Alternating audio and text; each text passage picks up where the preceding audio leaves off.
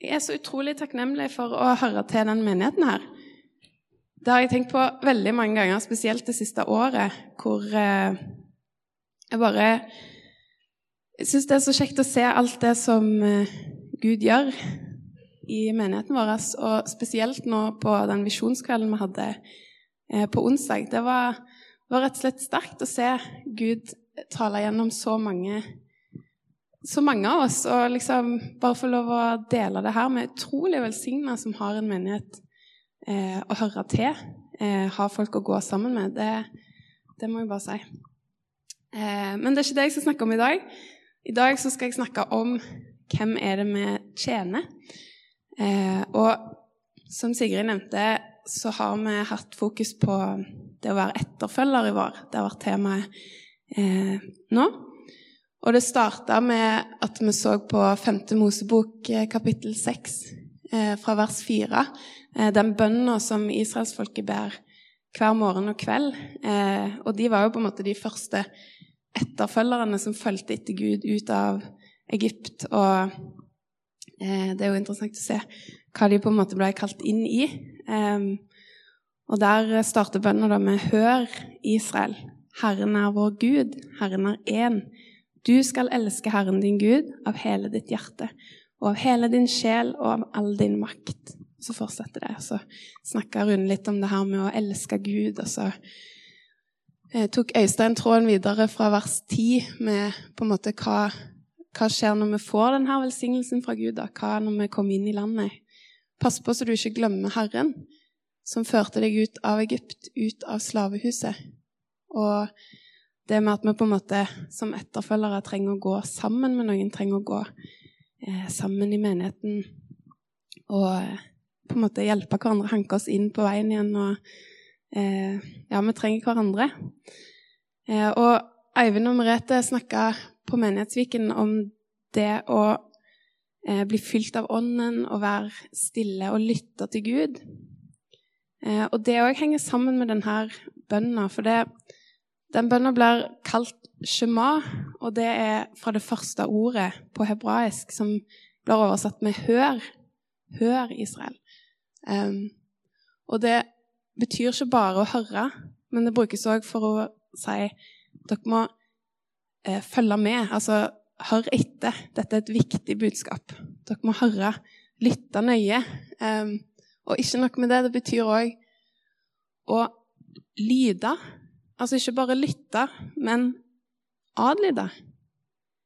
Um, så det vi hører, skal ikke bare være ord, men det skal være noe som på en måte fører til handling i oss. da. Fører til noe. Eh, og på slutten av det verset her, så, eller det jeg har oppe på skjermen, i hvert fall, så i vers 13 så står det Herren din Gud skal du frykte, han skal du tjene og ved hans navn skal du sverge. Så jeg tenkte å snakke litt om det her med å tjene i dag. Og siden vi har snakka om, eh, om, det som israelsfolket har på en måte vært gjennom, og sånn, så har jeg lyst til å se hva som skjer da når de kommer inn i det lova landet og har spist og blitt mette, sånn som det står i det verset her. Eh, hva da som skjer? Og da ser vi i Josvas bok, for han var den som tok over stafettpinnen til Moses eh, og leda folket da faktisk inn i det landet som Gud hadde lova dem gjennom mange generasjoner. Eh, han eh, leda dem i kampen mot de folka som bodde der fra før. For der var det mye onde praksiser som foregikk, som Gud ville at skulle på en måte bort. Eh, og så leder han de òg i å fordele landet mellom de tolv stammene i Israel. Og til slutt i Josas bok så står det en tale han har til folket. Og det er jo nettopp i dette øyeblikket, da. Um, og da sier han så i kapittel 24 vers 14 utover Så frykt da Herren, og tjen Han helhjertet og trofast. Skill dere av med de gudene fedre, som fedrene deres styrka på den andre sida av Eufrat og i Egypt, og tjen Herren. Men hvis det byr dere imot å tjene Herren, så velg i dag hvem dere vil tjene. Så svarer jo folket da at Gud forbyr at vi forlater Herren og dyrker andre guder, i vers 16. Eh, For det var Herren vår Gud som førte oss og fedrene ut av Egypt, ut av slavehuset. Så de husker jo faktisk hva Gud har gjort for dem. da. De sier at ja, vi vil kjenne Gud. Vi vil eh, følge Han. Eh, og så svarer Josva da dere makter ikke å tjene Herren, for Han er en hellig Gud. Dere makter ikke å tjene Herren. Men de står på sitt. Herren vår Gud vil vi tjene. Hans stemme vil vi lyde. Så da har de tatt et valg, og så ser vi jo når vi leser videre, hva som skjer eh, videre. Men eh, det er ikke det vi skal eh, ta for oss akkurat nå. I, eh, eh, i denne talen da, så stiller Josva et spørsmål. Eh, og det spørsmålet er ikke om de ønsker å tjene Gud eller ikke tjene Gud. Det han spør dem om, er vil dere tjene Gud eller andre guder? Og det står det mange plasser i Bibelen at vi må på en måte ta stilling til hvem er det vi tjener. Det er ikke tjene eller ikke tjene, det er hva er det vi tjener, hvem er det vi tjener. Og for å på en måte velge å tjene Gud, så må vi jo vite litt hvem er det vi velger.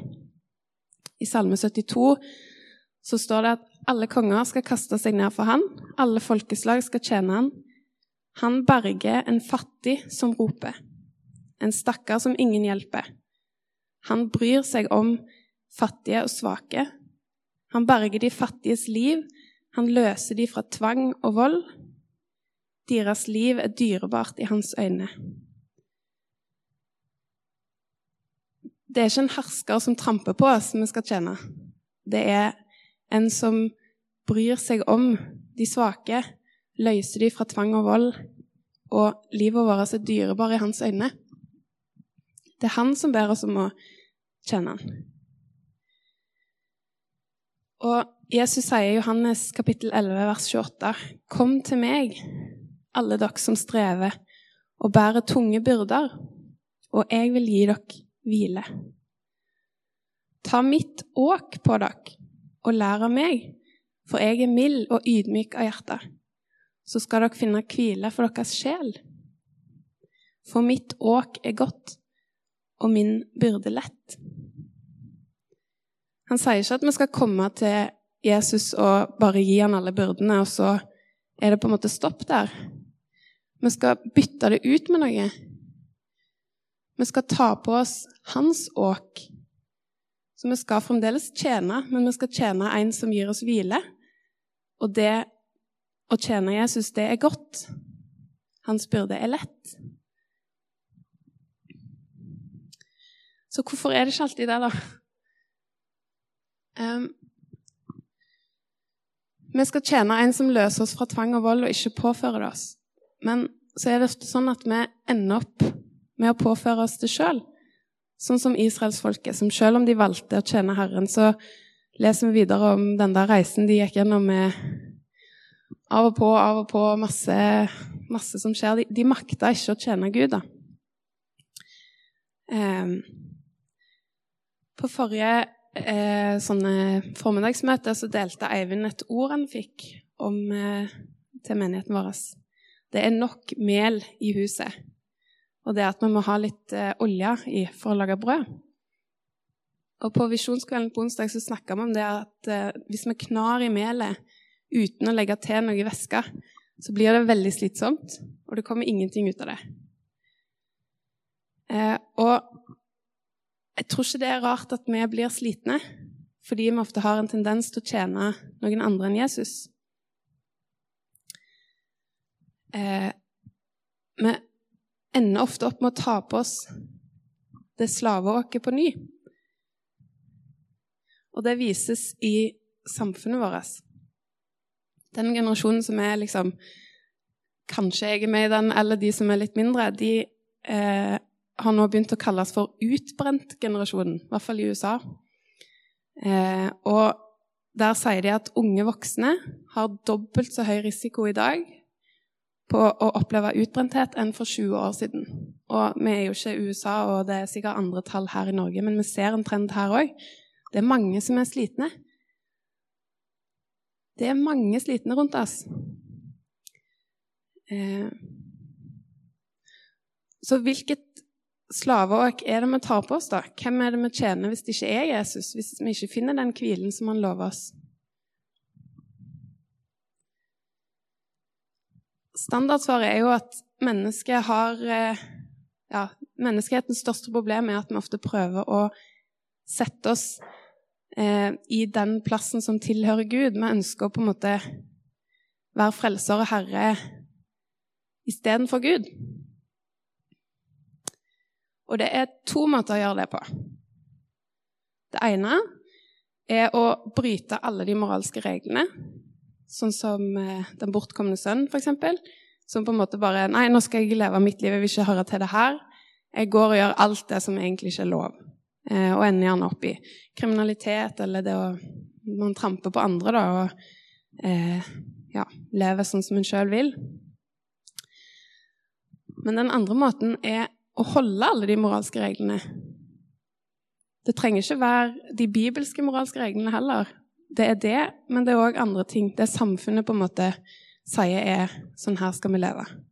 Dette er standarden vi skal leve opp til. Fordi jeg er en så god person, jeg klarer å holde alle disse moralske reglene her, da fortjener jeg min frelse, i prinsippet. Og kanskje tror vi at vi tjener Gud når vi gjør det òg, men egentlig så kjenner vi noe helt annet. Og det det gjør med oss, er enten så blir vi hovmodige, selvtilfredse folk som ser ned på andre, eller så gjør det oss skamfulle og føler at vi aldri er gode nok. Og begge disse måtene, selv om det ser forskjellig ut, så er det måter å være sin egen frelser og herre og tjene noe annet enn Gud. Og det er ikke bra for oss. Det er fryktelig, fryktelig slitsomt. Og det er kanskje lettere å se på de som bryter alle de moralske reglene, at de her de må gjøre noe med livet sitt. De må på en måte eh, komme til Gud og endre hvem man tjener. Men det må òg de mest religiøse og mest moralske. Og de har til og med et større problem, for de ser det ikke sjøl. De tror at de fikser det. Men når Jesus forklarer oss hvordan vi er hans tjenere, så beskriver han noe veldig viktig. I Johannes kapittel 12, vers 25. Den som elsker sitt liv, skal miste det. Men den som hater sitt liv i denne verden, skal berge det og få evig liv. Den som vil tjene meg, må følge meg. Og der jeg er, skal òg min tjener være. Den som tjener meg, skal min far gi ære. Men hvordan gjør vi det, da? Miste mitt liv? Altså Det er ikke noe sånn enkelt sånn her, sånn her gjør du det, for da havner vi jo tilbake i den der holde de moralske reglene. Det er i hvert fall tydelig i apostelens gjerninger at det å tjene Gud, det handler ikke om handlingene våre. I apostelens gjerninger kapittel 17 vers 24 og videre så står det Gud, Han som skapte verden og alt som er i den, Han som er herre over himmel og jord, han bor ikke i templer reist av menneskehender. Han trenger heller ingenting av det som menneskehender kan tjene han med. Det er jo han som gjør liv og ånde, ja, alt til alle.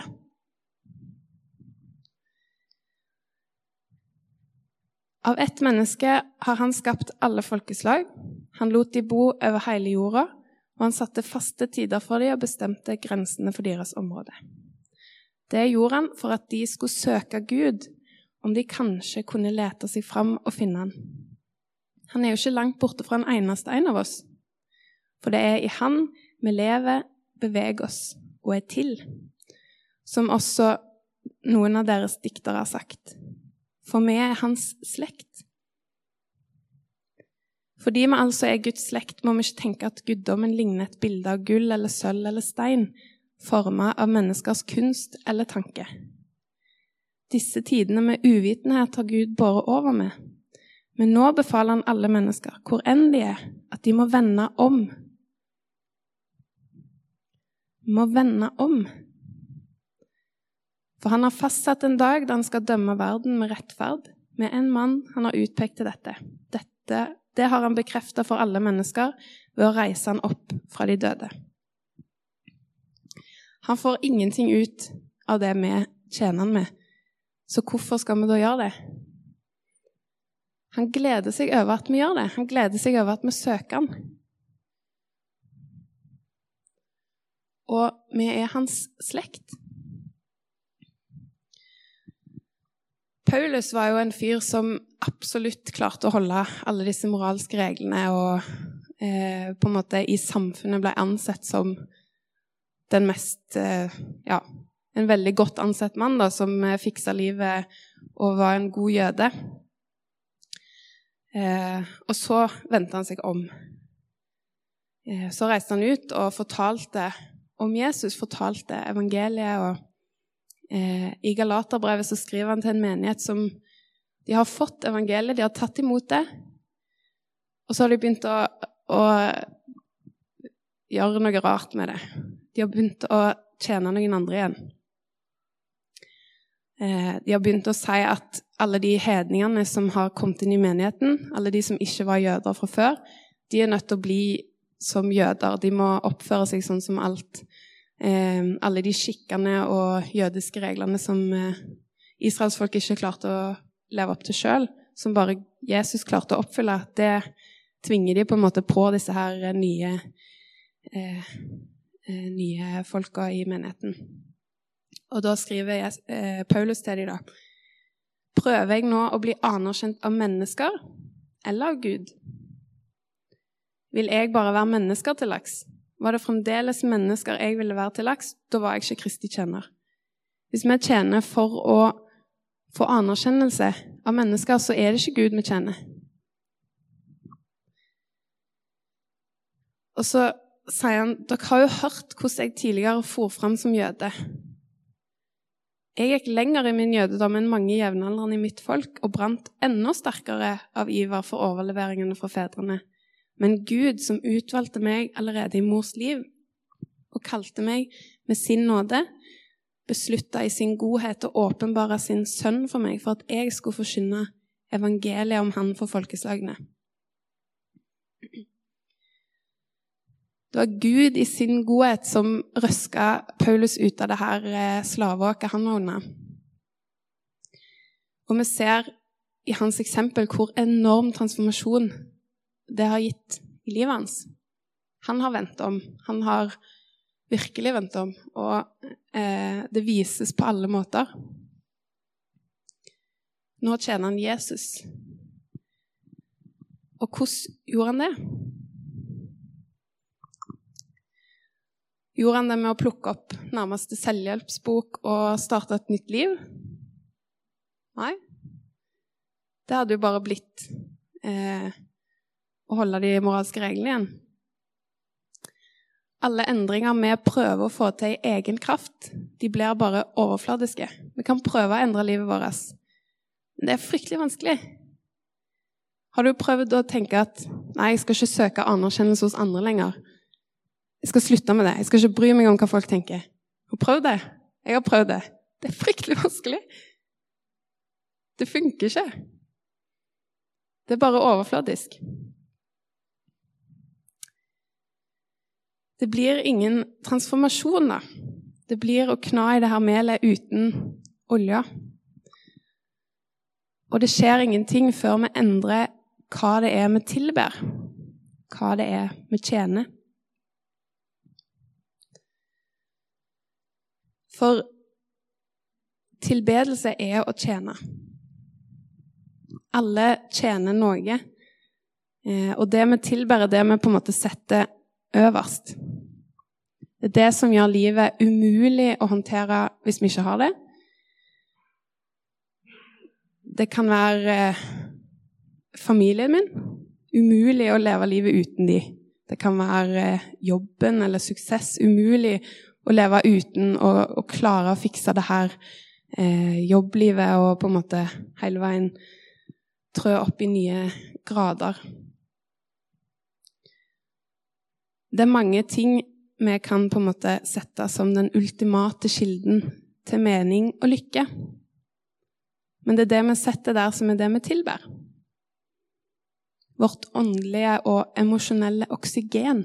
Det vi ikke klarer å leve uten. Så hva er det du putter der? Hva er din ultimate kilde til mening og lykke i livet?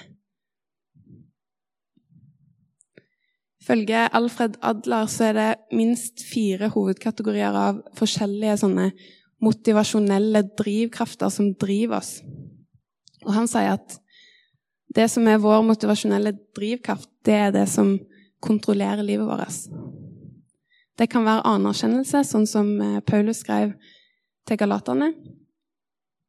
Eh, hvis det, det, er hva folk tenker om deg, som eh, sier eller som definerer hvor lykkelig du er, så blir man kontrollert da, av det. Man blir kontrollert av å søke anerkjennelse. Man gjør ting for å bli anerkjent.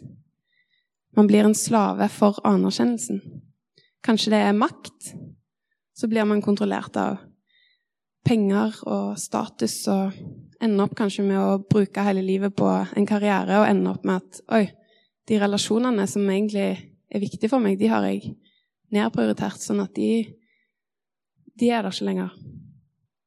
Kanskje det er det komfort. Drives vi av eh, komfort? Vi bruker all tid og krefter på å ha, eh, ha komfort rundt oss, ha ei fin hytte å reise til, ha god mat, ha, ha, det godt i vårt eget liv. Og på en måte glemme å ja, Hvis vi setter det først, så glemmer vi kanskje å dele, dele det gode vi har fått med andre, og sånne ting. Um, eller kanskje drives med ha kontroll. Ha kontroll. Eh, og miste på den måten kontrollen midt oppi det. Det er mange ting vi kan sette her, og disse tingene kan se ut veldig forskjellig i hver vårt liv. Jeg vet at jeg har noen eh, ting som kontrollerer meg fra tid til annen.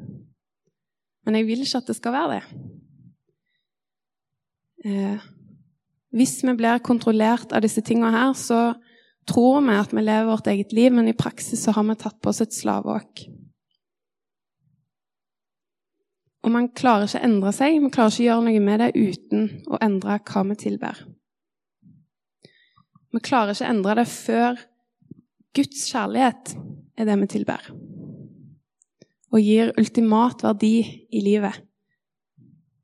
Før vi gjør det, så blir vi ikke transformert sånn som Paulus.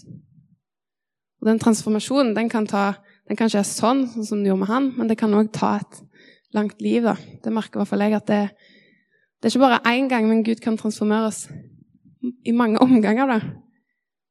Eller som Jesus kaller det, da, å bli født på ny. Nikodemus kom til Jesus i Johannes kapittel 3, og han var virkelig en eh, en sånn eh, mann som alle tenker at han har skjønt det. Han lever etter Gud. Han tjener Gud. Eh, så sier han, 'Rabbi, vi vet at du er en lærer som har kommet fra Gud.' For ingen kan gjøre det du gjør uten at Gud er med han. Så svarer Jesus at den som ikke blir født på ny, kan ikke se Guds rike. Og det ble jo litt vanskelig for Nikodemus å forstå, som for alle oss. Hva vil det si å bli født på ny? En av de tinga det betyr, er at det er ikke noe vi kan gjøre sjøl. Det er ingen som klarer å føde seg sjøl. Det funker ikke. En annen ting er at når vi blir født, så får vi jo en ny identitet. Vi kommer jo inn i en familie. Vi blir født inn i noe. Og kanskje er det litt smerte involvert. Kanskje er det noe som røsker litt i oss. Som omrokerer litt på ting som, som vi har basert livet vårt på før. Litt rekkefølger og, og sånt. Men det er noe Gud gjør, som vi lar Han gjøre. Det er noe Ånden gjør. Vi blir født av Ånd. eh, så står det i vers 8 Vinden blåser dit han vil. Du hører han suse, men du vet ikke hvor han kommer fra, og hvor han farer hen. Sånn er det med den, hver den som er født av Ånden. Og vi klarer ikke å se Ånden, men vi ser hva han gjør.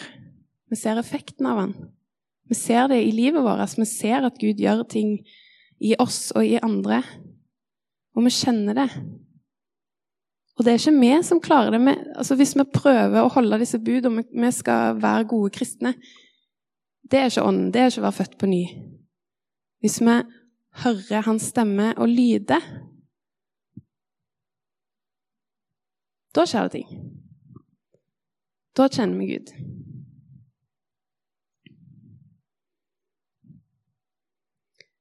Så en liten oppsummering. Jesus er en gud som bryr seg om fattige, som bryr seg om de ingen hjelper, de svake, de som er fanga i tvang og vold, og redder de ut. Han ser deres liv som dyrebare. Og så starter han med å redde. Israelsfolket fikk ikke de ti bud, og så holdt de de, og så førte han de ut av Egypt. Det er ikke sånn det funker. Gud kom til israelsfolket sa 'Kom med meg. Bli med meg. Jeg skal redde dere ut av dette.' Litt motvillig så blir de med, og på en måte 'Men her er det så, er det så farlig. De kommer jo og dreper oss her. Du, hvorfor gjorde du dette mot oss, Gud?' Så 'Nei, men kom igjen. Jeg skal hjelpe dere.' Men her er det jo ikke noe mat. Hva skal vi gjøre her? Det er jo bare drit. Vi vil jo tilbake til Egypt. Nei, nei, nei. Se her. Mat. Han redder de. Han er med dem. Drar de med seg. Og eh, etter det så ber han de om å tjene han.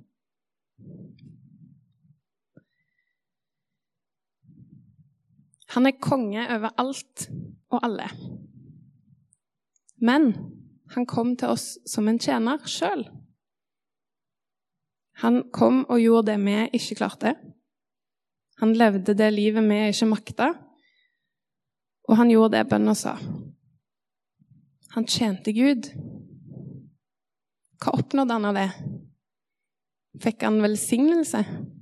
Fikk han et bra liv? Han fikk korset. Han fikk døden. Han valgte å gi sitt liv. Han valgte smerten, han valgte dommen. Og hva gagna det han?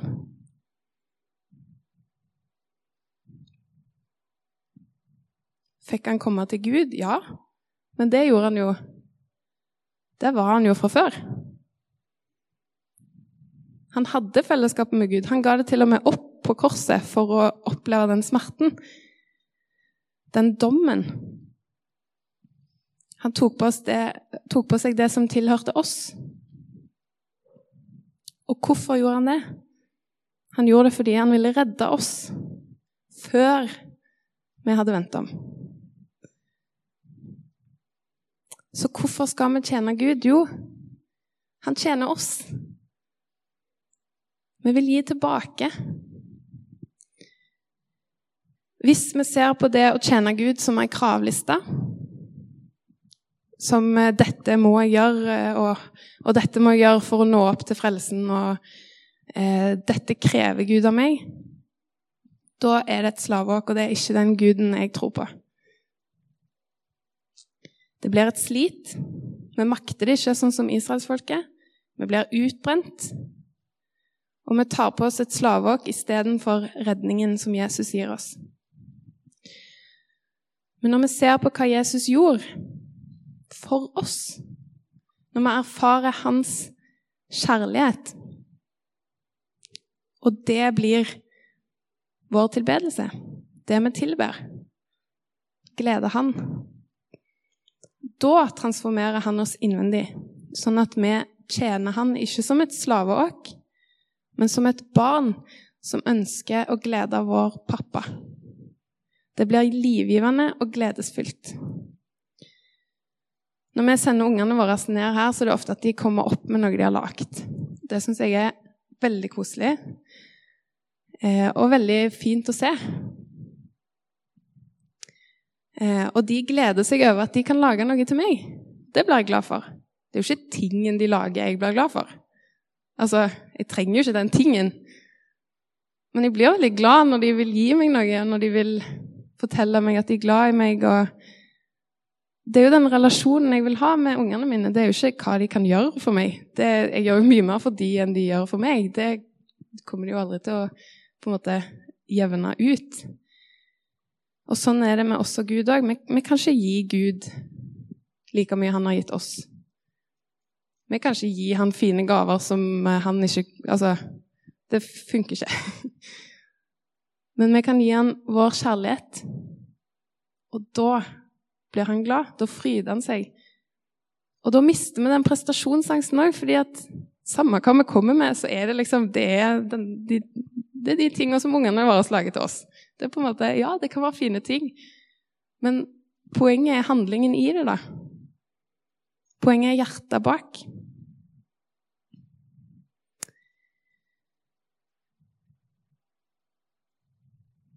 Vi må ta et valg. Hvem vil du tjene? Vil du tjene denne guden som frelser deg, som redder deg, som elsker deg? Vil du huske hva han har gjort for deg? Midt i velsignelse og òg midt i motgang. Ikke for å få noe. Hvis vi tjener Gud for å få ting, da, da prøver vi å nå opp sjøl igjen. Da prøver vi å holde disse budene. Og og det, det, er ikke derfor. Vi har allerede fått det. Vi har allerede fått frelsen. Men vi gjør det for, for å glede Han.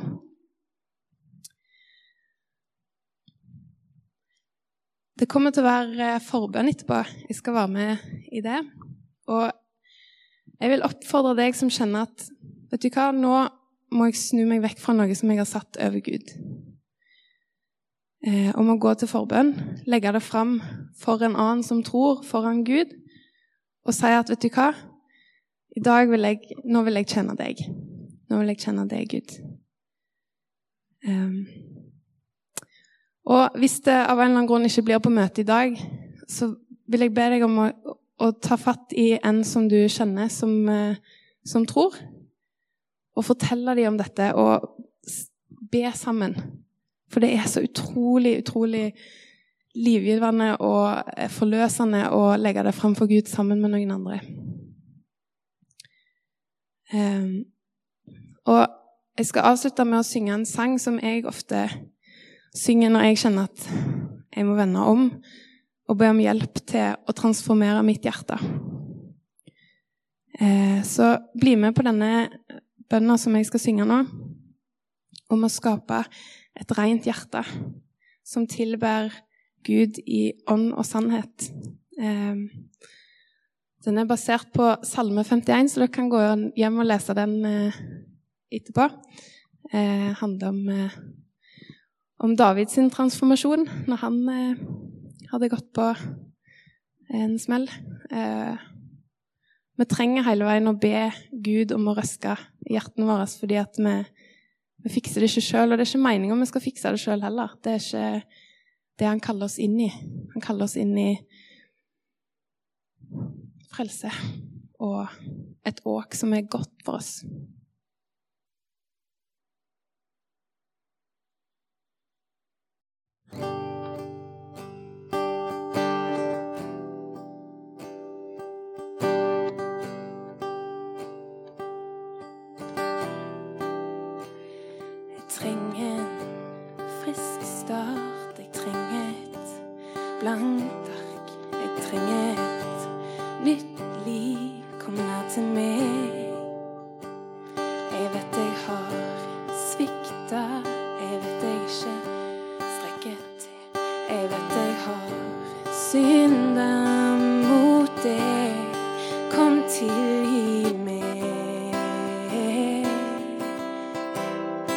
kom till liv